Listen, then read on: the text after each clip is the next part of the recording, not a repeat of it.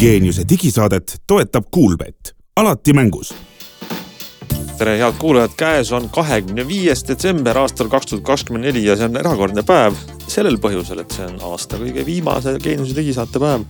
meie oleme täna siin kolmekesi, Glen Pilvre, Meelis Väljamäe, Hans Lõugas ja räägime ei midagi erilist, räägime viimase nädala uudistest ja sündmustest ja asjadest, mida me oleme ise katsetanud, proovinud, käe peal hoidnud, mäest alla kihutanud ja muud moodi proovinud. Nende seas räägime uuest sotsiaal, sotsiaalmeedia äpist Eestis, mis plahvatuslikult kogub populaarsust. kuidas kiire internet on olematu internet paljude eestlaste jaoks. 5G on jõudnud kõnekaartidesse ja siis üks äh, telefonide ja käekellade komplekt on pikemas testis. no nii, alustame siis äh, jah, kindlasti te olete kõik mõnusas pühade meeleolus, naudite veel äh, piparkoogilõhna ja prae, jõulupraelõhna, aga meie räägime tavalisi uudiseid teile, sellepärast et uudised viimasest nädalast on juba mõnda aega ma nüüd täpselt päevi ei mäletagi, aga on Euroopas ja sealhulgas Eestis täiesti kättesaadav toimiv Threads, äh, lõngad, lõngad, äh, lõngarullid veerevad Euroopas ringi. ja tegu on siis sellise, kes seda teab, see naerab minu lause üle, sest mis siin ikka seletada, aga kes ei tea, ma ei tea, kas selliseid inimesi on üldse meie kuulajate seas, kes veel pole kursis, et Instagrami Äh, tekstipõhine lühipostituste sotsiaalmeediaplatvorm on, mis suvel siis Ameerikas avati, on, on Euroopas tegelikult päris suure hooga käima läinud. ma mäletan, et äh, Glen, sa püüdsid jubeda tinnaga sinna Instagrami, vabandust, Threadsi kontot teha ja ei saanud no ma ei tea, kas minu isiklike probleemide lahkamine on meie saate prioriteet võib-olla, et see. aga tead, on üks, aga räägi korraks sellest, sest tegelikult sa oled erand ja see on tõesti erand, aga sul no, oli mingi, mingi. no probleem. minu probleem oli tegelikult selles, et mul ei olnud Instagrami kontot, sest ma ei pidanud seda vajalikuks aga selgus, et Threadsi ma ei saagi muidu sisse, kui seal on vaja Instagrami kontot et see on võib-olla esimene koht, kus mind nüüd peab parandama, et võib-olla ma olen vana ja loll, et ma ei leidnud nagu võimalust sinna saada muidu sisse. ja tegelikult ta nagu isegi pakkus mulle justkui sellise shortcut'ina, et teeme hopsti selle konto nagu selle Threadsi noh, nii-öelda nagu Threadsi varjus või noh, et seesama, sama sait tegelikult laskis mul luua siis justkui kohe selle Instagrami konto. ja siis sellega suunas meid edasi sinna Threadsi.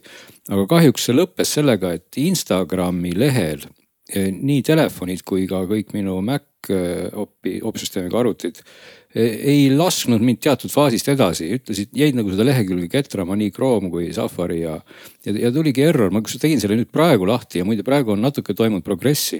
aga ma ei saa ikkagi sinna sisse, mul annab brauser mingisuguse krüptoloogilise errori, see puudutab nüüd Instagrami, aga ma olin ikkagi kaval, ma sain aru, et et ilmselt see on see Instagrami mingisugune jama, mis siis mind nüüd ahistab.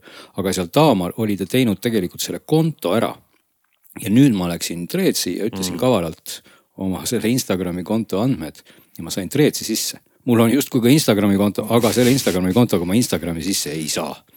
Et, et ei saa mitte, ei saa mitte üheski seadmes, ei saa ei äpist ega, ega brauseritest ega mitte kusagil. nagu see kontrast sellise suure massiivse tõusuaine taustale, sinu juhtum on täielikult vastand sellele, sest et ma, minu nagu äh, kogemus ja, ja praegu, mida ma näen sellise pildi pealt Threadsist on see, et, et seal on väga suuresti Eesti kasutajate poolt on nagu aktiivsi-, aktiveerunud selline kirjutamine just sellepärast, et inimestel on olemas Instagrami konto ja sa saad kohe oled seal sees.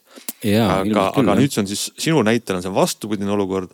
kui sa üritad teha kontot, siis ilmselgelt neil on veel kuidas öelda, masin on õlitamata, eks seal tekivad mingisugused no, ilmselt jah, võib-olla ei olegi nagu, ta, mulle jääb üldse natuke arusaamatuks, et miks see üldse peab nii nagu olema seotud selle Instagramiga, et miks ei või arvestada, et on võib-olla selliseid äh, netihälvikuid, kes siit noh, kes ei olegi Instagramist tulnud, kes tahaksid no see... nagu kohe Threadsi hüpata. eks nad tahavad, et sa kasutaks mõlemat ja kuna see on nagu Instagrami oma nii-öelda tehniliselt, eks ole. sest noh, ma saan ju kasutada seda ka ilma profiilita, eks ole, kui te nagu sisse logite, siis tegelikult esimene valik, mida Threads pakub, ongi siis kasuta ilma profiilita või kasuta siis Instagrami ka, et.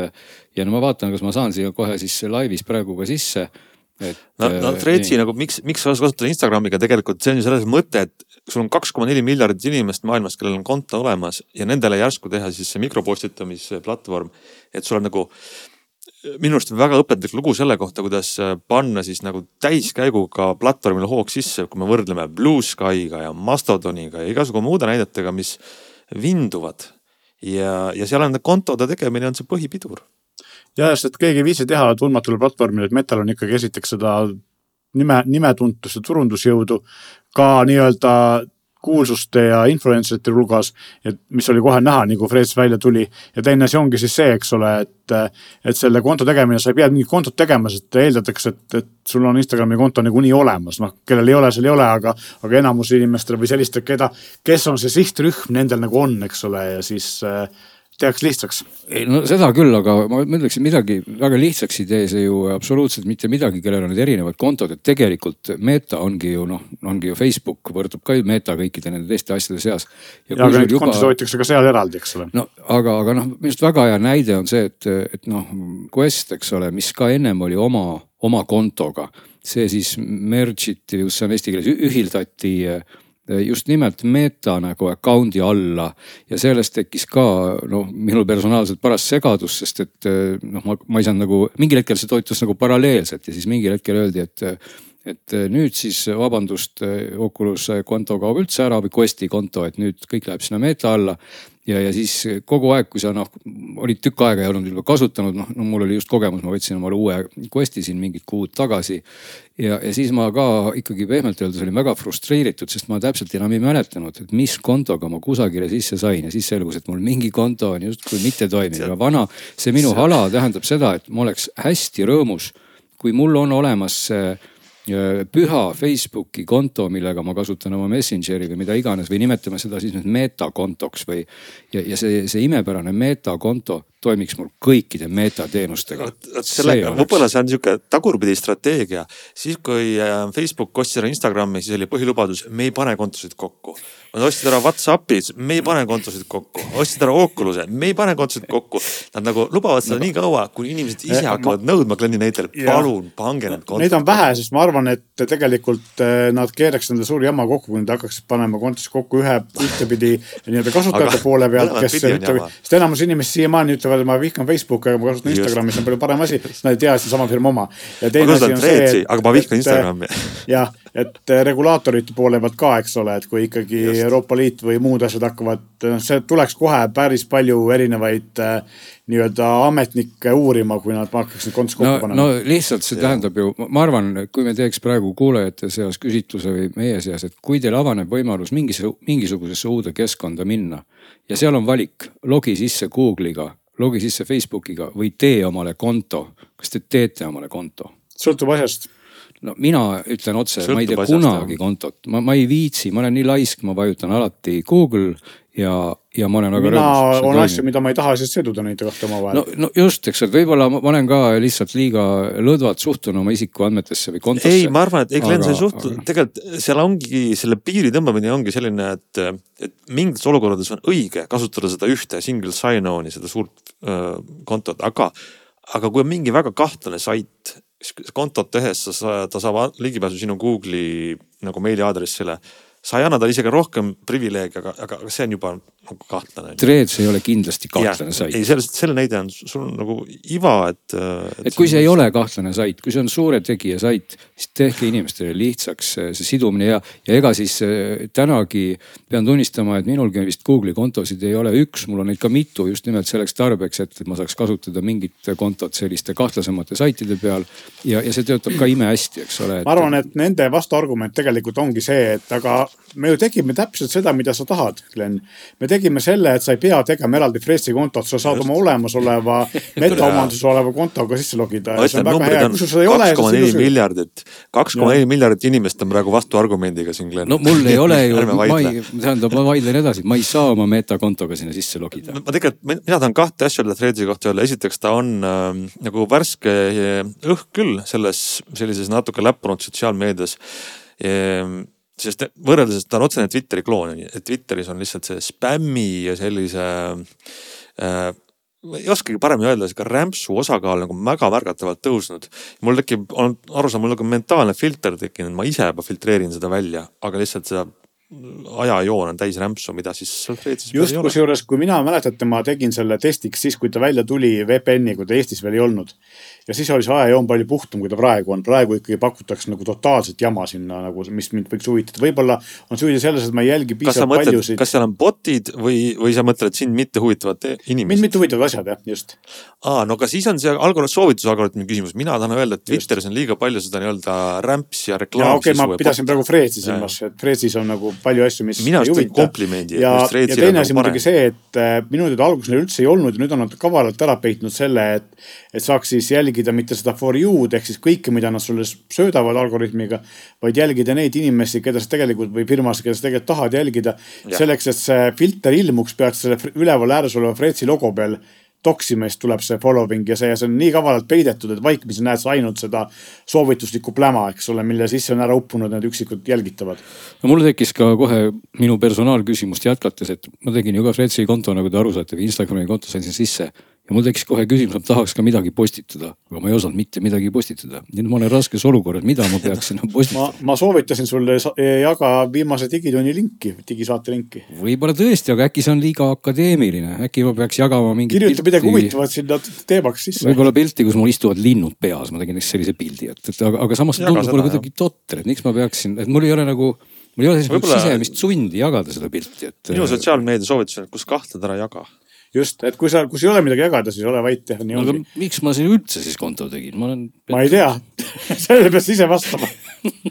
üks privaatsussoovitus, mis tegelikult inimestele on nagu kahe silma peale jäänud, tasuks vaadata, et kellel on Threadsi konto, seal on äh, oma profiil settings seal on privaatsus või privacy ja seal on üks väga kaval säte mis on siis inglise keeles eh, suggesting posts on other apps ehk siis kui te kirjutate midagi Threadsi, siis on seal kaks valikut, Instagram ja Facebook. kas Instagramis reklaamitakse teie Threadsi postitusi ja Facebookis ka, mis on hoopis teine seltskond, teine kontekst, teised inimesed.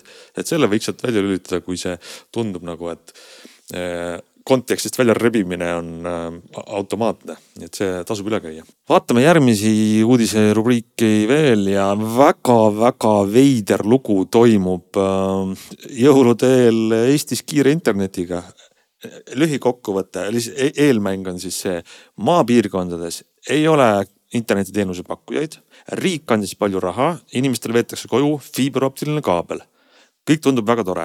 Enefit Connect on see firma, kes siis teie kodust maapiirkondades veab selle kaabli baasvõrku.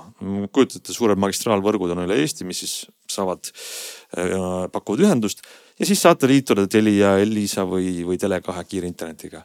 ja nüüd tuleb välja, on tohutult palju inimesi Lõuna-Eestis, kellel on see fiiberoptika on toas, valgussignaalid võiksid liikuda, makstud, ehitatud, valmis aga mitte ühtegi teenusepakkujat ehk siis Elisa, Elia, Elisa ega Tele2 ei taha sinna internetti pakkuda, sest selle magistraali kasutamine on läinud, hinnatõus on olnud seal nii kalliks läinud, et see lihtsalt majanduslikult ei, ei, ei vea välja. ja see ikkagi paneb pea plahvatama natukene sihuke seis. et kaabel on olemas, töö on tehtud, riiklik toetus on antud, inimesed on, tahavad, nõudlust on, pakkumine on ja siis äh, tegu on siis mitte Estviniga, mis on see üle-eestiline projekt, vaid kohalike omavalitsuste, kuidas selle asja nimi oli, mingi MTÜ Eesti Andmesidevõrk, Eesti Andmesidevõrk MTÜ jah. kes siis tõstis niimoodi hindu, et, et Eesti teenust ei AS.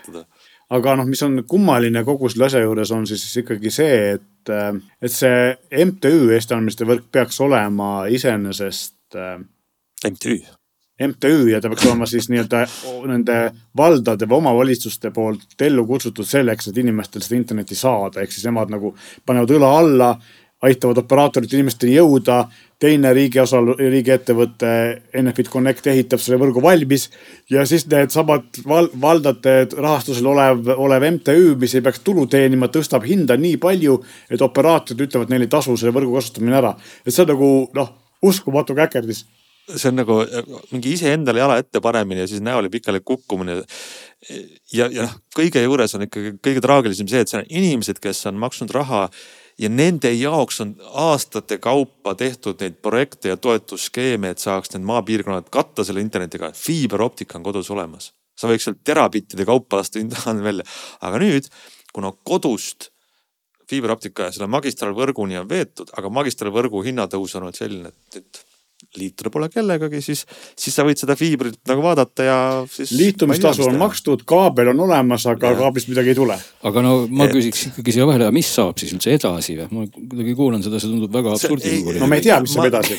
ei saa, see on, see on kategooria, see on nüüd uudis rubriigist Grinch varastas jõulud osadele inimestele, sest et noh see tundub absurdne, aga, aga kahjuks ei ole positiivset äh, luu lõppu sellel nagu filmides on minu teada, et, et see. ja siin lihtsalt... neid positiivse lõputa asju on mitmeid ja ma torkan siia vahele selle, et vähemalt viis aastat tagasi lubas, lubas Eesti riik, et ID-kaardil on NFC, mida saab kasut, hakata kasutama, sinna saab hakata installida äppe ja siis öeldi, et see tuleb kaks tuhat kakskümmend üks ja nüüd meie kolleeg Ronald Liive tegi intervjuu siis äh, riigi vastavate organisatsioonidega. Nad ütlesid ja, et praegu on nagu selline asi, et tegelikult on tulemas uus ID-kaart ja selle saab nagu veel paremini äppe installida ja kuna see hange on vaidlustatud, siis me tegelikult ikka ei tea ja äkki järgmise aasta lõpuks me ikkagi saame. ehk siis viis aastat oleme oodanud, minu teada ka ID-kaart kehtib viis aastat, eks varsti on esimestel saajatel on uus see kaart, millel on see võimekus olnud, aga nad kasutada ei saa, on juba taskus olnud aastaid ja nad peavad juba järgmise aasta välja vahetama. ehk siis selliseid riigipoolseid äh, kobarkäkke on tehtud siin ennegi, ilmselt tuleb veel, et. ma äh, isegi ei tea, kas see nüüd on riigipoolne, kas seal on süüdi see, et, et me, et me ei ole rahul avaliku sektori juhtimisega või, või ID-kaart kui see tehnoloogia ikkagi nagu, me tahame, et ta saaks midagi mobiilisõbralikuks ja valmis, aga ta lihtsalt ei, ei, ei ühildu noh. okei okay,, kui me, kui ma siin nagu olin kriitiline riigi vastu, vastu, siis ma vahepeal olen kriitiline ka erasektori vastu, et äh, täpselt sarnane asi on ju see, et kui aastat kümme tagasi või midagi sellist tekkis meile Tallinna ühistransporti roheline kaart ja pärast seda tekkis Elronisse oranž kaart ja nii edasi, eks ole. nüüd see on siin, sinnamaani jõudnud, et minu teada praegu saab sama kaarti kasutada igal pool ja nad on nagu ristkasutatavad.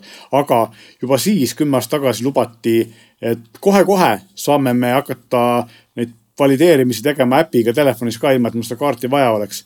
vahepeal tehti koostöös Elisega, Teliaga mingisugune täiesti kummaline spetsiaalset äh, SIM-kaarti vajav lahendus, mis ei töötanud, eks ole, ja. ja see nüüd on kümme aastat hiljem, meil ei ole ikka äppi, samas kui ma ei tea, Soomes on, Rootsis on, Lätis on vist ka, ehk siis nagu noh, uskumatu, eks ja selle plastiku kaasas kandmine on tõeliselt tüütu. ma, ma, kirjutan kolme käega alla, kui mul oleks kolm kätt. see ei ole üldse keeruline teha tegelikult. see on mõni tark aga... üliõpilane teeks selle kahe päevaga valmis, eks ole. kindlasti nagu... teeks, aga siis ja. tuleb protsess, avalik haldus ja keerab selle kõik vindi peale kuulge, aga et mitte päris äh, pühade ajal äh, ainult masendusse sattuda, siis äh,. äh progressi toome üks uudis või internetiühenduste valdkonnast, et ähm, Tele2 tõi siis nüüd välja kõnekaardid, milles on juba 5G, äh, mis on tegelikult positiivne. 5G ei ole enam meie kättesaamatu asi, ma saan aru, et äh, need on lausa paari euroga saab kõnekaardi, kus on täitsa 5G levialas saad internetti ja et see on tegelikult selles mõttes hea, et kas meil seda 5G-d vaja on või ei ole, see on nagu teine teema. mingitel hetkedel kindlasti meil seda on vaja, aga praegu veel mitte. aga see näitab seda, et areng toimub ja midagi toimub ja selline internetiühenduste demokratiseerimine läheb edasi. ja noh, ma arvan, et see on ainult esimene pääsuk, et kui Tele2 selle ära tegi, ega siis Telia ja Elisa väga kaugel ei ole, ma arvan, et järgmise aasta jooksul me saame neil ka sama liigutust näha kindlasti. ja ma tean, et ka väidetavalt Elisa, mis oli Elisa, oli Telia, üks kahest, üks neist äh, lükkab ka päris aktiivselt oma ärikliente, kes siiamaani 4G peal olid 5G peale üle, ehk siis nagu nii-öelda paketist lükata siis 5G mhm. sisse nagu vanasti lükati 4G sisse, et ilma mingite hinnatõusude ja asjadeta. et ka seda, seda nagu juhtub ja, ja see tähendab, näitab nagu progressi, muideks üks asi, kaks asja veel, üks on meilt ja teine lähipiirkonnast, mis puudutab kõnekaarte, siis äh, Eesti valitsus otsustas seda, et äh, nad ikkagi praegu ei hakka nõudma kõnekaarti isikustamist, ehk siis ikkagi see nii-öelda operaatorite ja kasutajate tagasiside võeti kuulda, kuna noh, tõsi on, et see ei, tegelikult ei vähenda kuritegevust, kuna see kõik on nii lihtsalt kättesaadaval muudel meetoditel, eks ole, kes tahab, see, see kasutab mingeid teisi meetodeid. tore ja..., tore väike ports regulatsiooni ja täiendavat peavalu, mis tegelikult oleks teinud elu keerulisemaks ja midagi head, paremat poleks teinud, on nüüd praegu edasi lükatud, et. just, et Eesti, Eesti valitsuse ja, ja riigiasutus selle koha pealt nagu siinkohal peal tuleb plaksutada, sest et see on hea otsus ja Tõsi, meie kiidame. kaugemad, kaugemad lõunanaabrid, leedukad tegid vastupidise otsuse, võtsid vastu selle seaduse, et siis kõnekaarte tuleb mm -hmm. hakata isustama, nii et. meie oleme progressiivsemad. aga Just. selline huvitav uudis.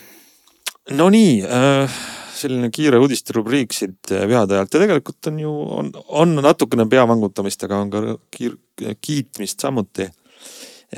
räägime nüüd see saade pikemalt, Glen ja tegelikult Meelis, sina ka, te mõlemad olete, teil on nüüd, ma olen nagu kõrvalt jälginud ja natuke pole kõva häälega öelnud, aga ma nüüd ütlen välja, teil on Pixli äh, mingisugune Google Pixli seeria selline vaimustus tulnud ei no kas just vaimustus, et tegelikult äh, tuleb öelda aitäh. võimalus.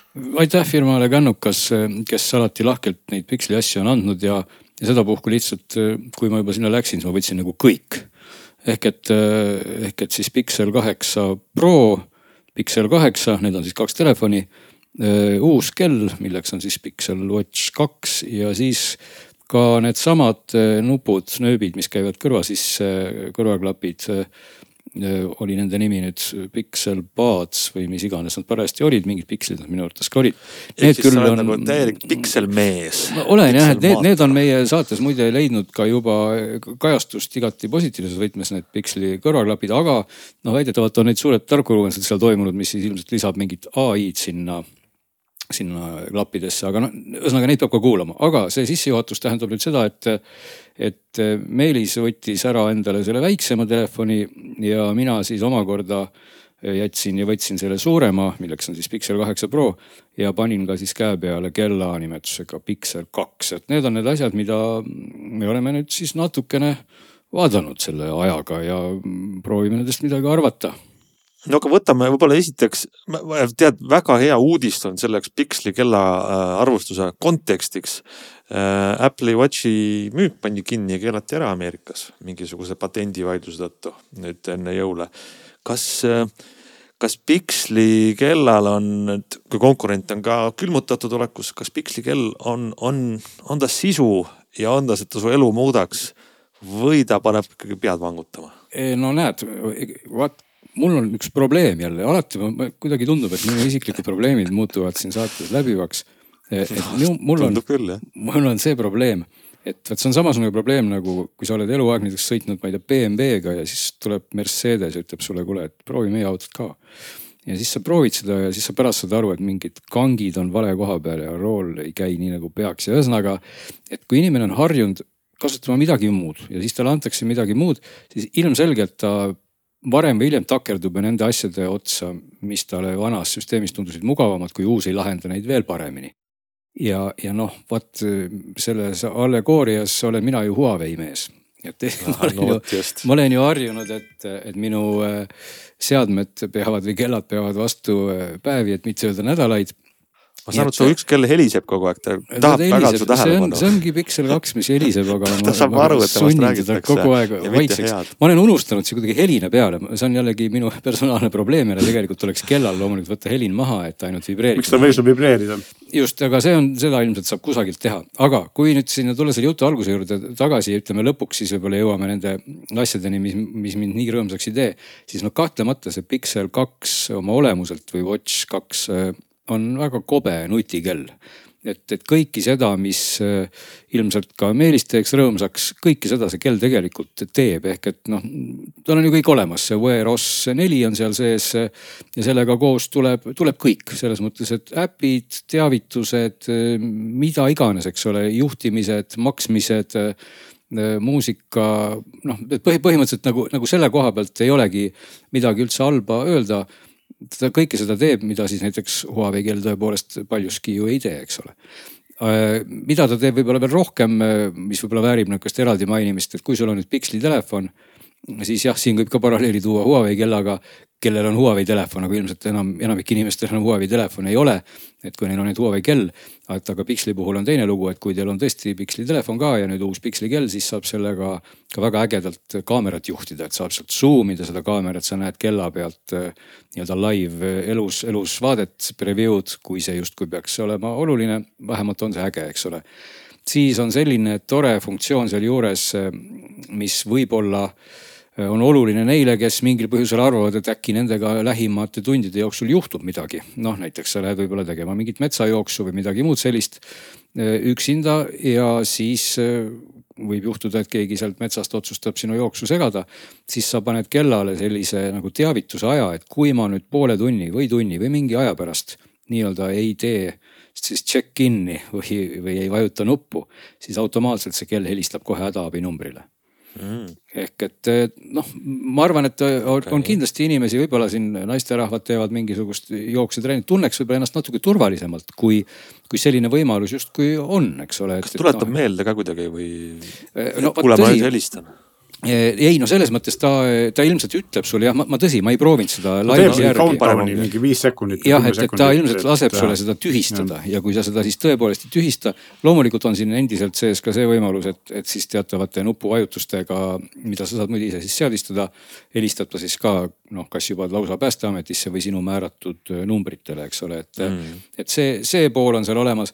aga mis, mis siis nüüd ütleme, et ma jõuan tegelikult selle, selle juurde, mis siis võib-olla nii tore nagu ei ole, et võib-olla see on minu probleem, et ma ei osanud seda panna sinna õigesti seadistada, eks ole, aga kuna see ekraan on nii pisike, siis tegelikult kõik need äppide valikud on sellises ühes nagu tulpvaates Need on siuksed suhteliselt mikroskoopilised ja noh, isegi kui ma tahan leida sellist noh, mingeid oma lemmikuid, kasvõi olgu see mingi taimer või, või äratuskell või midagi muud sellist. siis ma ikkagi leidsin kogu aeg ennast olukorrast, kus ma scroll isin seda nimekirja. tõsi, ta saab aru minu viimati kasutatud asjadest ja ta üritab neid siis nii-öelda mingi loogikaga sinna grupeerida.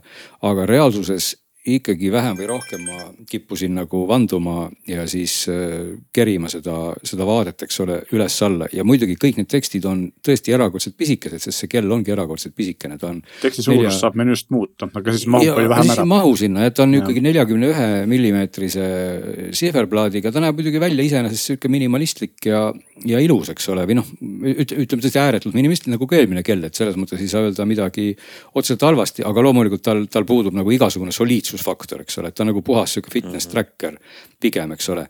ja kasutusmugavuse koha pealt lihtsalt asjad, millega ma tõesti nüüd olen harjunud, tulles selle, selle auto näite juurde tagasi. seesama vana õnnetu taskulamp, noh, see on seal kellas loomulikult olemas, aga see, see on seal kusagil menüü sügavustes ehk et. aga kui ma öösel ringi kooberdan, siis ma ei otsi seda menüü sügavustest ja ma ei saa seda ka mingi nupu alla panna, järelikult ma tõmban selle peaaegu enda jaoks maha siis see kell keeldus teavitamast või vibreerimast, kui ühendus telefoniga katkes. kuulajad, parandage mind, kui ma olen ise loll. ma ei leidnud seda võimalust, et kell ütleks mulle, et põpp-põpp, telefon on kadunud. une jälgimine, no ilmselt ma olen ära hillitatud selle Huawei perfektsusega, mis jälgib und et ta jälgib seda und öösel, noh, nii enam-vähem, ei saa öelda siis paha sõna aga noh, päevast und tema jaoks ei eksisteeri, vähemalt sellist, mida mina jõudsin proovida, et, et noh, ta lihtsalt ei track'i seda und. see on uinakute, päevast uinakute track imine on üldse asi, mille Huawei leiutas ja paljud teistes, ma ei tea, kas Apple Watchil on sihuke asi olemas? ei, ei Apple ka ta ei toiminud kaugeltki mitte usaldusväärseks. Karmin näiteks, kes on nagu päris pikalt üsna hästi öist und track inud, küll mitte nii hästi kui Fitbit või Huawei, siis neile see nii-öelda päevast uinakute jälgimine tekkis nüüd alles sügisel uue tarkvara uuendusega, see on nagu üsna uus asi, Huawei'l see on tõesti kaua olnud. jah, ja, ja, ja, ja Huawei saab sellest ka nagu vägesti aru, et see on just nagu see koht, kus, kus ma ei pea nagu ise midagi tegema ja see kõik nagu imepäraselt hästi töötab. muidugi peaks ka rääkima võib-olla paar sõna sellest tervisesüsteemist, mis on ju nüüd Google'il siis Fitbit ehk et mhm. tegelikult kogu see kella noh, siis see tervise jälgimine baseerub Fitbitil ja loomulikult need kõik kõik kellad ja viled tulevad mulle alles siis, kellad jutumärkides siis, eks ole, kui ma maksan Fitbitile iga kuu kümme eurot ehk siis premium jah? Ehk siis premium, küll tõsi, selle kella ostuga nüüd siis Watchi ostuga saabus seal kas pooleaastane või mingisugune tasuta prooviperiood. ma saan seda proovida, mis iseenesest on tore. teistpidi nagu noh, ma kuidagi selle koha pealt jälle viriseks, et kui ma võtan kasvõi Huawei või võtame kasvõi Apple'i või võtame kasvõi Samsungi. siis tegelikult kõik nad suudavad mulle pakkuda tegelikult ikkagi väga põhjalikku tervise jälgimist ja salvestamist ilma mingisuguse kuutasuta et, et see on nagu natuke see koht, küll, kus Google võiks öelda, et meil nüüd noh, nii palju seda raha ikkagi on, et et, et noh, see kuutasu sealt Fitbitist jätta küsimata ja loomulikult, sa seda kuutasu ei maksa, sa saad ka oma tervist ja kõiki asju seal vaadata, aga noh, sa ikkagi mingites kohtades võib-olla avastad, et see pole päris see. aga palju ma nüüd jõudsin siis tervist jälgida ja sporti teha. üks nendest asjadest oli järjekordselt ühe suusaga mäest alla sõitmine ja on see olemas ka seal kellas, nagu ka oli siis Huawei's suusasõit, lumelaud ja tuleb tunnistada, et äh, see tekitas ainult frustratsiooni, mis avaldus siis minu kõrgemas pulsisageduses, mida kell näitas, sest midagi muud ta praktiliselt mulle ei näidanud. ehk et ta, ta näitas lihtsalt puhtalt seda noh, kus, kuidas ma umbes, mis, mis vormis ma olen, kuidas ma kaloreid kulutan ja, ja kuidas minu süda lööb, aga ta oleks võinud mulle näidata maksimumkiirust ja see, see on nagu minu, mulle tundub see kuidagi elementaarne, et kui sa mäesuusatamisega või niisuguse alaga tegeled, siis no ilmselgelt, no mis sind seal ikka mäe peal huvitab, no kas sind huvitab, kui kiiresti su pulss lööb, kui sa seal nõlva peal sõidad, et, et, et pigem sa tahaksid vaadata, kui kiiresti sa sealt nõlvast alla sõitsid, võib-olla kui pikk see nõlv sa ei vaata oma keskmist kalori põletamist no just, tunni kohta või midagi no, no jah, et ma, ma, ma nagu tahaks öelda, et rõhuasetus ei ole seal selle koha peal ja, ja võib-olla jälle on see minu personaalne aga probleem, aga oli see kell. õige suusarežiim või nagu mäesuusarežiim? see oli mäesuusarežiim, isegi selle pisikese ikooni peal oli sihuke kükakil Aa, onu. kükakil mees jah. ja no, kiirust on... ei näidanud, ma, ma tunnen, kuidas ma erutan praegu, ma peaks uuesti oma pulssi mõõtma. et ainukene kiirus, mida ma suutsin sealt näha, oli siis keskmine kiirus. et keskmist kiirust ta näitas, aga ja siis noh, ainuke koht, kus ma seda kiirust nägin, oli siis tõstuki peal, et ma sain teada, kui ruttu tõstuk sõidab sest et siis mul oli aega ju kella vaadata oh, ja pärast siis ma ka need andmed Oota, eksportisin. ma ei saanud aru, kui sa tõstuki peal vaatad kella, ta ütleb sulle kiirust.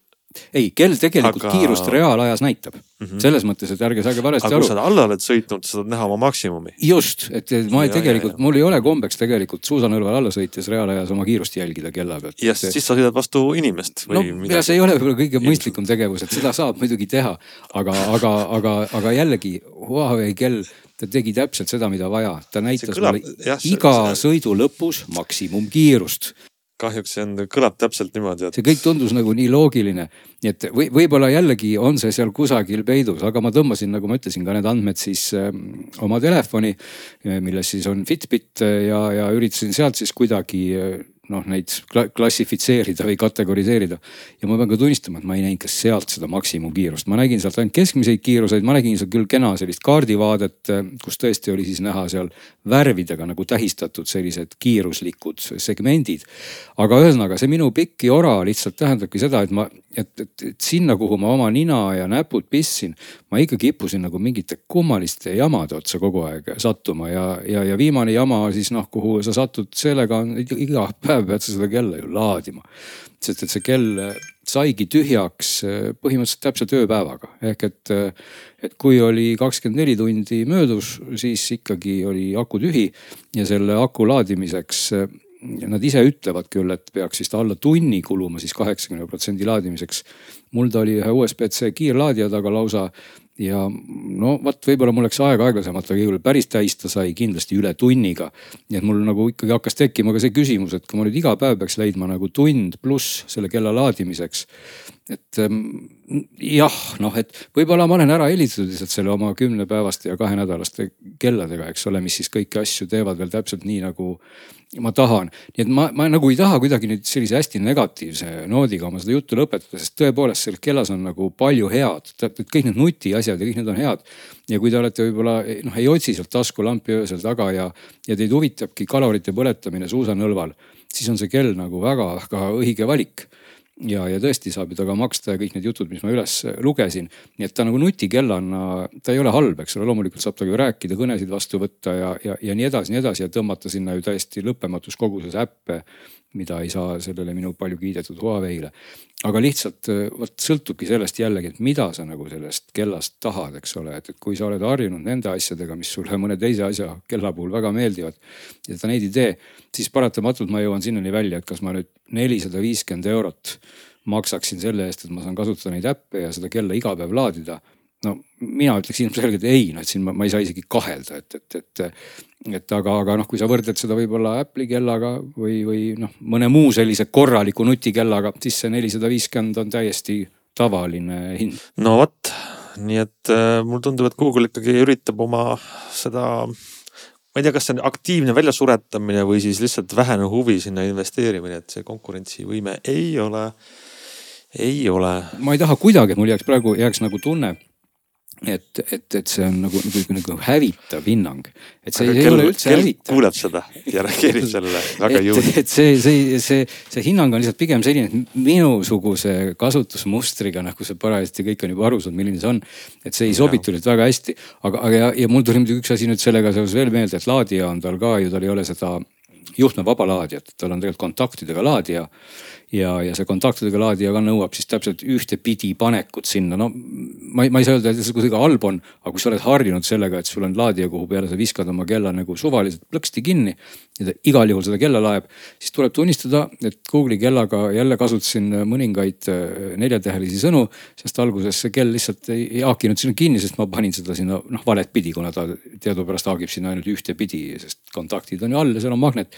nii et äh, selle raha eest lihtsalt nagu ikkagi tahaks, tahaks nagu möliseda natukene küll, et, et, et, et kui, kui see, kui ta maksab nii palju, siis, siis vähemalt okei okay,, aku akuks aga need muud asjad, noh kasvõi need õnnetud keskmised kiirused või mingisugused paigutused või mingisugused customiseerimised, et ma saaks nende nuppude alla panna mingeid oma lemmikuid rohkem või kuidagi nagu teha sellest kellast nagu rohkem selline oma, ei teeks siin paha jah. et isegi kui sul on konkureeriv äh, seade, siis või selles mõttes konkureeriv seade, kui sa tahad kindlasti nagu Android Weari kui VROS-iga kella, siis tegelikult saad konkurendilt äh, kauem kestva akuga ja, ja. mõningate paremate omandustega kella odavamalt, eks ole, see hind on see kindlasti probleemiks. jah, minule ka täna isegi noh, ma ei ole nüüd Samsungi kella ammu kasutanud, Meelisel on nendega rohkem olnud siin kogemusi, et mul isegi praegu tundus küll, et, et ma oleks eelistanud pigem ka Samsungit Wear OS-iga kella puhul kindlasti noh, paljude asjade pärast, kasvõi seal suurem ekraan, parem aku vastupidavus ja, ja ilmselt. Odavam hind ka. jah, olgugi, et ega vist need kallimad Samsungid on vist umbes samas klassis. jah, aga noh, kui sa võtad äh, näiteks Galaxy Watch viie, mis on eelmise aasta kell, millel on kõige uuem VROS praeguseks peal, aku kestab poolteist, kaks päeva ja alla kahesaja eurone. ja, ja noh, et ikkagi veel üks miinus siia rubriiki, mida kauem me räägime. tarkvarauuendus, loomulikult tahtis see kell teha kohe tarkvarauuendust, mida ei saa talle ette heita. küll aga nõustus ta seda tarkvarauuendust tegema ainult siis, kui ta oli laadija peal. ja, ja kuna mul oli ajaga kitsas käes, ma ei tahtnud hoida teda laadija peal. jällegi noh, ma ei saa aru, kui raske see on, et kas siis kell ei suuda mul käe peal teha tarkvarauuendust ja mul muide see tarkvarauuendus ongi kuskil kogu aeg pooleli, sest ta tegi seda nagu igikaua ja ta ei jõudnud seda kunagi lõpuni, sest ma alati pidin sealt laadija pealt ära võtma, et. siis ta kogu aeg mulle ütlema, et pane mind palun tagasi laadija peale. Nii et näed, sellised, sellised kummalised lood siis. no selline oli siis Pixel, Pixli kell. kui te olete mõlemad neid telefone kaheksat ja kaheksat Prod ka siis mm, vähemalt äh, vaadanud, katsetanud, proovinud, kas seal on see mulje kokkuvõttes nagu positiivne võidab negatiivse või? Või võib-olla alustan väiksemast enne, siis Glen saab suuremast rääkida rohkem, sest ta on seda rohkem kasutanud ilmselt. kui Glen siin rääkis kella puhul vist sellest, et kui sa oled mingi asjaga harjunud ja siis mingi teine asi töötab teistmoodi, siis see on nagu kummaline, aga see on puhtalt harjumise asi, eks ole, siin Pixel telefonidel on kaks asja, mida mina kohe märkasin. esimene asi on see, et äh, toitenupp on helitugevusnuppudes kõrgemal, kõigil teistel telefonidel on madalamal ja ma kuna alati ma vajutan seda valesti. see on harjumatu. teine asi on see, et äh, et kui ma tahan liigutada mitte panna lihtsalt taskulampi, aga re reguleerida ekraani heledust, siis kõigil teistel Androidiga telefonidel on see heleduse reguleerimise liugur nende kiirseadete ikoonide all, siis pikslil on see üleval kella juures, ma pean väga palju oma näppu liigutama selleks sinna jõuda. et äh, sellised Google'ilikud kiiksud, mis on äh, arvestades tegemist on Google'iga, siis äh, üsna noh, ebatavalisest ta võiks teha nagu ikkagi asja, asju kasutussõbralikumaks, aga kõik muu, mis puudutab ikonograafiat ja seda disaini ja seda nii-öelda Androidi skin'i või kesta, mis siia peale on ehitatud, see on ikkagi noh, ta on nagu väga hästi läbimõeldud ja väga ilus ja, ja selles mõttes nagu selline väga puhas ja selge. aga noh, mõned asjad on näiteks ka, ka siin nagu sellised mõne inimese jaoks võib-olla natuke liiga vähesed, näiteks see, et kui ma panen siia sisse äh, SIM-kaardi, mis toetab voice over LTE-d, siis äh, ma ei saa seda teada, kas see on või ei ole, sest et erinevalt teistest telefonist tõesti ei näita seda, sest Google ise väidab, et aga kui see töötab, siis miks me peaksime ütlema, kui see töötab, et ta lihtsalt töötab, eks ole. et ainuke asi, kuidas ma saan teada, et see tegelikult töötas, on see, et kui ma teen kellegagi kõne, kellel on ka siis voice over LTE, voice over wifi, siis see kõnelogi näitab mulle seda HD ikooni seal aja taga, eks ole. muud moodi ma seda teada ei saa. et sellised asjad, mis on pisiasjad, aga noh, muidu telefon on negatiivse poole pealt on see, et kui sa võtad siit ümbrise selle nii-öelda kesta ka, mis selle, millega sa, mis selle, mis selle telefoni kaasa tuli, võtad ära, siis eh, korpus on ülilibedast eh, klaasist, ehk siis ta on nii libe, et noh, mina ei julgeks seda nagu käes hoidagi ilma ümbriseta, sest tõesti, ma ei ole tükk aega nii libedat telefoni näinud. Xiaomi 13T-l oli ka väga libe, aga see on veel hullem. muidu välimuse poolest, noh mulle see teate, kuidas see sellise visiiri kujuse taga kaamera ümber meeldib, et see on nagu väga omapärane mõnus. käes on ta hea, sest ta on pisike, ta on meelega tehtud väikseks, eks ole, üks, üks väiksemaid telefone, mis praegu müügil on ja ka, ka üks, üks kõige paremaid väikseid telefone, võib-olla Asuse Zenfone kümme on nagu sarnase suurusega. et, et suuruse poolest, kui tahad väikest telefoni, see on üks parimaid ja loomulikult noh, kaks asja, mis tegelikult, kui me räägime, et miks me räägime Pixist, miks me varem oleme rääkinud vähe Pixist, siis sel aastal on toimunud kaks asja, et üks asi on see, et äh, siin viimaste tarkvarauuendustega on Pixel saanud siis äh, praktiliselt kõigi Eesti operaatorite või kõigi Eesti operaatorite voice over LTE toe ja 5G toe ja varsti peaks kõigil Telial on olemas Tele2-l ja Elisel peaks tulema ka voice over wifi tugi, et sellisel juhul me saame seda ka nagu paremini soovitada juba praegu tegelikult saame paremini soovitada kui varem. teine asi on see, et kuna Google teatavasti Pixi telefone Eestis eriti ei müü eh, või ametlikult ei müü, ainult läbi vahendajate, siis eh, vanasti oli see, et Pixite hinnad olid märgatavalt kallimad, kui olid mujal Euroopas ja see oli nagu suur probleem. siis praegu ma võrdlesin hindu ja tegelikult äh, Pixel kaheksa seeria hinnad on Eestis praktiliselt samad, mis nad on Google'i lehel või Amazonis või kuskil mujal, nii et selles mõttes ka hinnad on läinud mõistlikumaks. no kui sa hindadest ütlesid, nimetan ka ära kohe numbrid. kännukas siis täna pakub meile Pixel kaheksat seitsmesaja kuuekümne üheksa euroga, siis tavalist, eks ole ja siis Prod tuhande viiekümne üheksa euroga, nii et noh, ei ole ju liiga odav, aga ei ole tõesti võib-olla nagu, nagu üle, ületamatult kallis justkui ka ei ole. jah, et see on nagu see, et, et äh, eelmise aasta mudelitega võrreldes Google tõstis telefonide hindu nagu siin paljud teised on tõstnud. aga Eesti hinnad jäid eelmiste mudelitega suhteliselt sarnasteks, nii et, et nagu äh, see on hea, et selles mõttes ta on konkurentsivõimelisem, kui, kui nad olid vanasti ja tänu sellele, et nüüd ka see Eesti operaatorite selliste advanced omaduste tugi on olemas, on, on tegelikult ikkagi noh, saab soovitada nagu paremini kui varem noh, muidugi kaamerast äh, rääkimata, et tegin siin pilti, OnePlus oli kõrval, OnePlusil on kusjuures isegi olemas siis see palju kiidetud äh, spektraalandur, mis peaks nagu tagama selle, et valge tasakaal on äh, õige ja käisin hämaras lumega pilti tegemas. valges on okei okay,, aga hämaras on niimoodi, et Pixel teeb lume valgeks ja OnePlus teeb lume siniseks, nii et selles mõttes ikkagi noh, vahe on suur ja teine asi muidugi see, et see night sight või see öö, ööfoto on pikslil palju eredamaks, ta on nagu päeval on ju, mitte, mitte öösel ja, ja OnePlus jätab ta ikkagi pimedaks, kuigi ta detaili toob välja. võib-olla enne kui ma ka kaamerast siin võtan ka veel paar aspekti mainin, et kui sa Meelis siin juba neid operaatoreid mainisid, siis kindlasti äh, tasub pikslite puhul nüüd esile tuua seda, et järjekordselt oli Elisa see operaator, kellega siis tekkis teatav tõrge, et nimelt äh, selgub, et enamik Elisa mobiil-ID-ga kaarte ei ole siis klass C kaardid, et tavatarbijale ei ütle see ilmselt mitte midagi, aga nagu selgub, on olemas siis SIM-kaarte kolme klassiga nagu lahterdatult, need on siis vastavalt klass A, klass B ja klass C. Ja, ja see erinevus siis muuhulgas on nende tööpinges. ehk et klass A on kõige janusem viievoldine kaart, klass B on kolmevoldine kaart ja klass C on ühe koma kaheksa voldine kaart. Ja need uued pikslid töötavad ainult klass C kaardiga ja, ja noh, mina olin ka üks neist, kellel siis äh, juhtumisi oli Elisa kaart, äh, mis loomulikult klass C ei olnud. ja millega siis see Pixli telefonid äh, lihtsalt ei töötagi.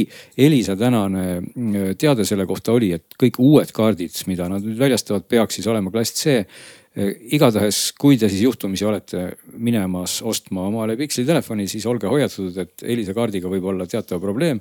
ja kui te saate või võtate omale uue Elisa kaardi, millel on siis mobiil-ID ka küljes, siis tasub igaks juhuks üle selgitada, kas see on ikka siis klass C kaart, et ilmselt mõistlik oleks see võib-olla võtta, sest eh, noh, vähemalt teoreetiliselt võiks ka üks koma kaheksa volti tarbiv kaart äkki siis mõnevõrra säästlikum olla, olgugi et, et seal vist ka nagu praktiliselt küll seda seost ei tohiks olla, sest ega see kaart seal otseselt ei kuumene, et kus see elekter seal ikka läheb, et on seal kõrgem või madalam pinge. aga, aga klass A, B, C kaardid on nagu ikkagi võiks eeldada vanusjärjekorras, et A-d on vanemad ja B-d on vähem vanemad, et C-d on kõige uuemad. C-d on kõige uuemad jah, just, just nii ongi, et et, et, see selline väike nüanss, sest tõesti seniste telefonidega ei ole sellist noh probleemi või sellist, seda, seda aspekti pole olnud, et tegelikult kõik need telefonid, mida me oleme ju siin proovinud, ükskõik kui uued, vanad nad on on siis rahulikult ka töötanud nende vanemate kaartidega. aga Pixel on siin koha peal läinud üle, et seda ei saa nüüd kuidagi pidada siis noh, ei Elisa veaks ega ka Pixli veaks, aga näed, aeg läheb edasi ja siis mõned standardid mõne koha peal muutuvad.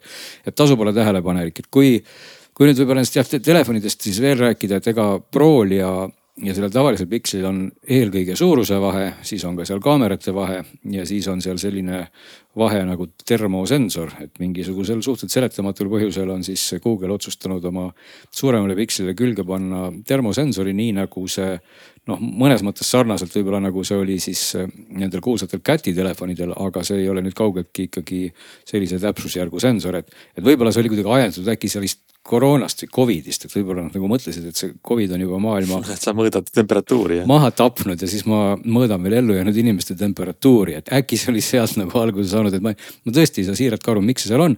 aga sa saad sellega tõepoolest oma joogi ja, ja naha ja laua ja, ja lae temperatuuri mõõta ja mitte küll kuigi täpselt, sest et väga palju see sõltub sellest, kui lähedal sa parajasti nendele mõõdetavatele pindadele oled. aga selline tore võimalus seal nüüd on juures Meelis juba kaamerate koha pealt ütles, et need on väga head. Prol on veel lisaks siis äh, viiekordse zoom'iga kaamera, nad kõik muide seal tagumised kaamerad, mis nüüd Prol on, on viiekümne megapikslised ehk siis põhikaamera lainurk ja, ja see optiline zoom. ja noh, Google on tegelikult väga hästi ka ai-d rakendanud oma zoom kaamerates juba eelnevat ja siin ei ole, see uus ei ole mingisugune erand, et tegelikult kümnekordse zoom'iga praktiliselt noh, ma, ma julgeks küll öelda, et sa ei saa aru üldse, et on seal, on see nüüd optiline või on see digitaalne, et. et see, see on erakordselt kvaliteetne, et kõik need kaamerad teevad ka sama koloriidiga pilte mida siin ikka me oleme välja toonud, et mõnikord on nii, et, et lainurk on lilla ja, ja, ja siis teleoptika on mingi sinine või punane, et, et siin nagu sellist koloriidivahet üldse ei ole. Nad on, pildid on väga loomulikud, et ma, ma, ma võib-olla ei saaks öelda, mul on endal see noh, kasutuses vanem OnePlus üheksa, eks ole, millel on see Hasselbladi nagu värvimaagia sees et ma olen juba nagu harjunud natuke sellise kuidagi niisuguse soojema ja rõõmsama feeling uga, mida see Hasselblad teeb. et Google'i telefon teeb hästi selliseid realistlikke pilte, et äh, ta teeb tegelikult alati väga hea, väga realistliku ja sellise korraliku foto. aga lisaks nüüd sellele, et see telefon ise teeb hea pildi, siis ilmselt juba varsti kuuskümmend, seitsekümmend, et mitte öelda kaheksakümmend protsenti sellest kvaliteedist teeb tarkvara et siinkohal on küll Google keeranud seda vinti ka kõvasti peale just ai koha pealt, et kui mm, noh, ütleme nüüd alates täpselt sellest säritusest ja kogust sellest poolest, mida me tegelikult ju justkui ei näegi, mis seal kardinaga toimub, aga mida me siis nüüd teha saame. üks selline noh, võib-olla nutikam lisa, lisaomadus on see, et saab uduste inimeste nägusid teravustada, kes näiteks juhtumisi on liikunud, siis seda peaks tegema ai. siis grupipilti sa võid teha nüüd niimoodi, et, ehm, et sa teed nagu, nagu pikema aja jooksul natuke selle pildi.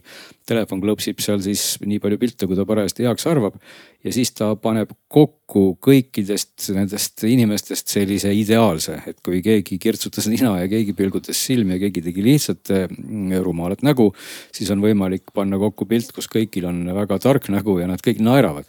ehk et.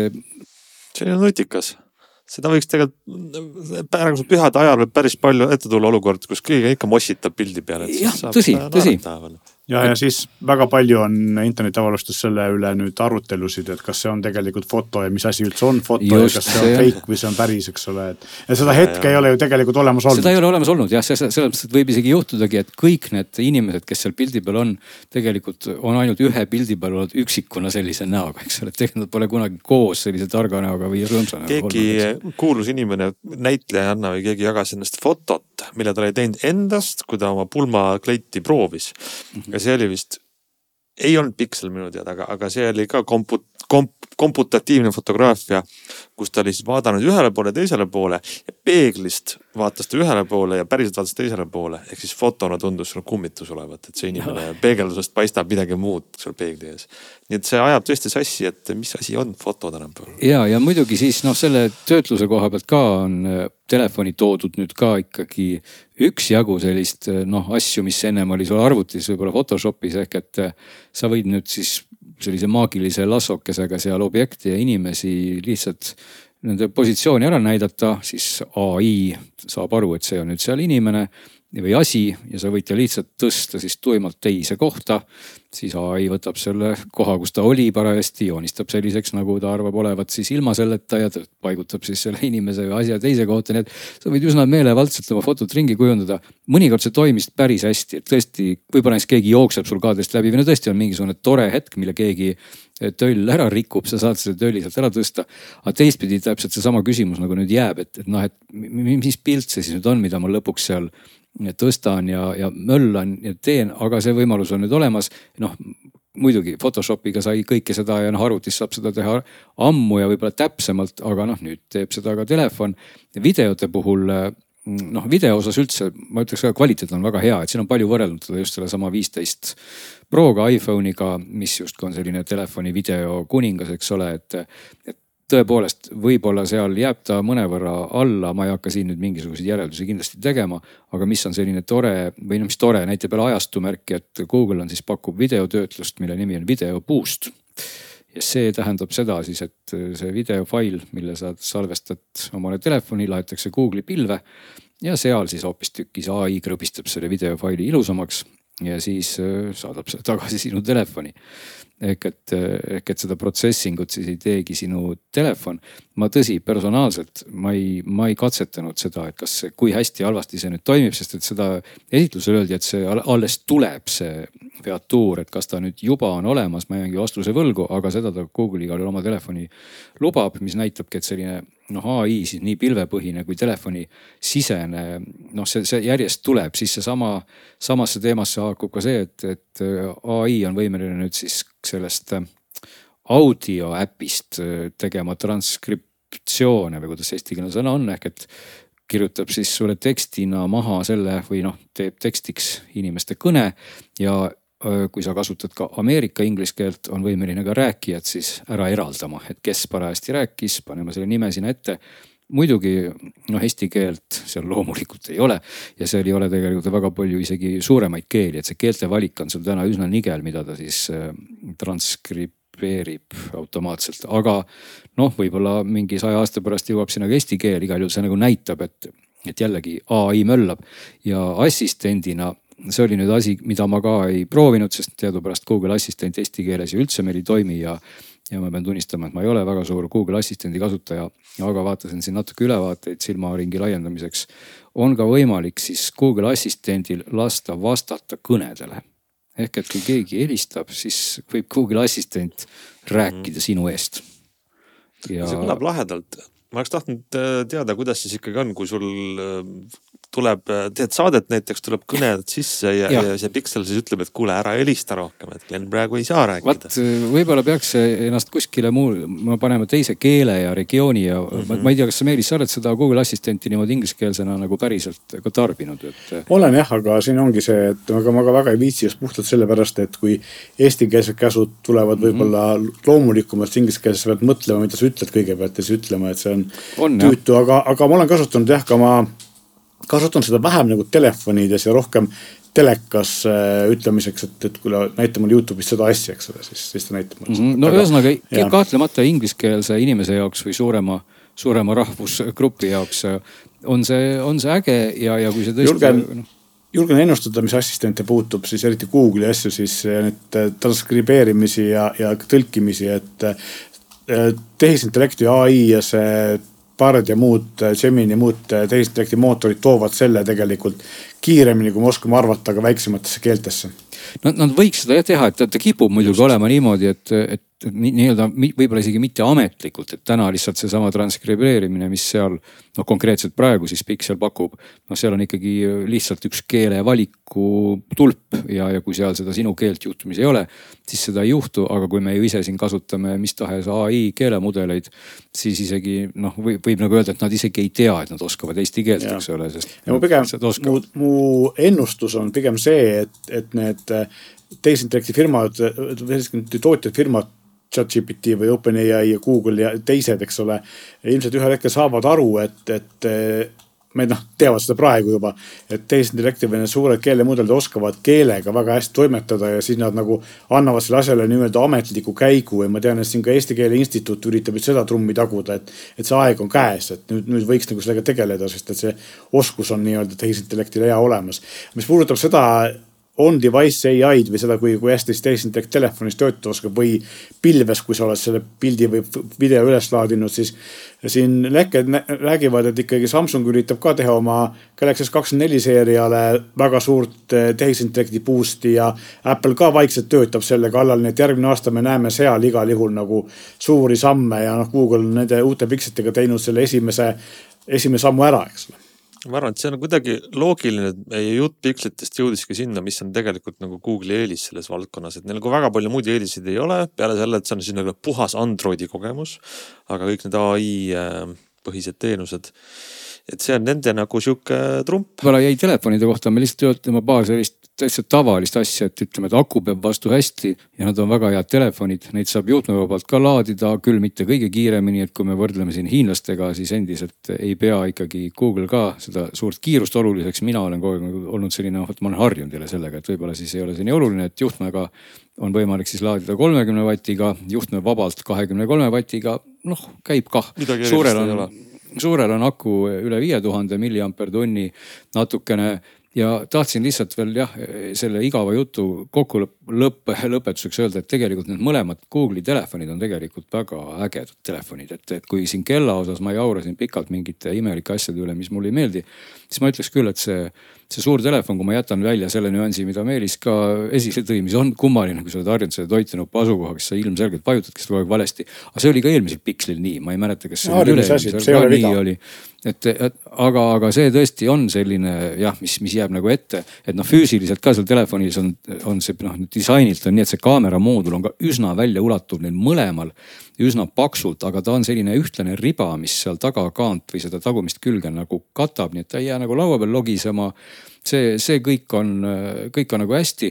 ja muide, nüüd meenus mul üks asi, mis oli päris naljakas, mis võib-olla nii hästi ei ole, et siin tahaks jälle siis kodumaiste voogedastusäppide kodeerijatele öelda, öelda, et võtke see piksel ka korraks kätte ja vaadake oma äpp üle. äpp, millest ma tahan nüüd rääkida veel kolm sõna, on siis Player see Playeri äpp on siis see, mis mängib siin meil ühe kontserni kanaleid ja kui Playeri äpp juhtumisi on olnud Google Pixelis aktiivne, te olete kuulanud näiteks ütleme Kuku otse-eetrit näiteks. ja, ja te ei kuula seda otse-eetrit enam, aga see Playeri äpp on seal kusagil valvel kogu aeg. ja nüüd telefon saab öösel mingisuguse sõnumi, olgu see meil või mis iganes muu teavitus. siis selle asemel, et tuleb see teavitus või tuleb see teavitus ka vaikselt, hakkab mängima kohe Kuku otse-eeter ja. see on ikka küll tore, tore üllatus. see oli väga tore üllatus, sest et ma ei saanud, mul, ma küll no, õnneks ütleme, ma ei olnud ma ise unerežiimis. vaid istusin arvutadaga jälle, oli see mingi juba kaks öösel ja äkki hakkab mulle rõõmsasti mängima Kuku raadio, mõtlesin, mis juhtunud on ja siis lähen telefoni juurde. ja kõige nagu toredam oli ka see, et seda välja lülitada põhimõtteliselt nagu tavainimesel on praktiliselt võimatu. sellepärast, et mitte ühegi task'i alt, mitte kusagilt sa ei näe et sul see player'i äpp, noh, et ta töötaks, ta tegelikult ei tööta. et ainuke variant lõpuks seda viisakalt välja lülitada oli siis see, et ma avasin uuesti selle player'i äpi ja siis läksin sinna lehele, sinna kohta, kus on otse-eeter ja sealt ma sain öelda, et pane otse-eeter seisma ja siis jäi ta seisma. nii et vot selline tore üllatus siis Pixel no, kaheksa ja Playeri äpiga koos, et saab siis teavituse asemel kuulata kohe raadiot, et noh, ilmselgelt Pixel selle koha pealt vist midagi ette ei võta, nii et siin saaks vist ette see võtta ainult. see on meil... küll, ütleme liigne, liigne agarus jah, aga, aga muidu, muidu on need mõlemad väga toredad ja ägedad telefonid no, ja teevad jah, et, väga häid pilte. et ikkagi positiivne lõppnoot. Ehm, ütleme siis meie siit ka omalt poolt kõigile selle aasta lõpetuseks aitäh kuulamast kirjutage meile ikka ka kirju. Kui te kaalute piksli ostmist, näete, siin on nüüd, saate iga nurga alt Äh, meilt otse esimese kogemuse infot ja kõigi muude küsimustega, kõigi muude küsimuste, muredega ootame teie kirju samuti. senikauaks soovime aga teile siis rahulikku pühade nädalat. meie oleme tagasi eetris juba järgmine nädal, äh, järgmisel aastal.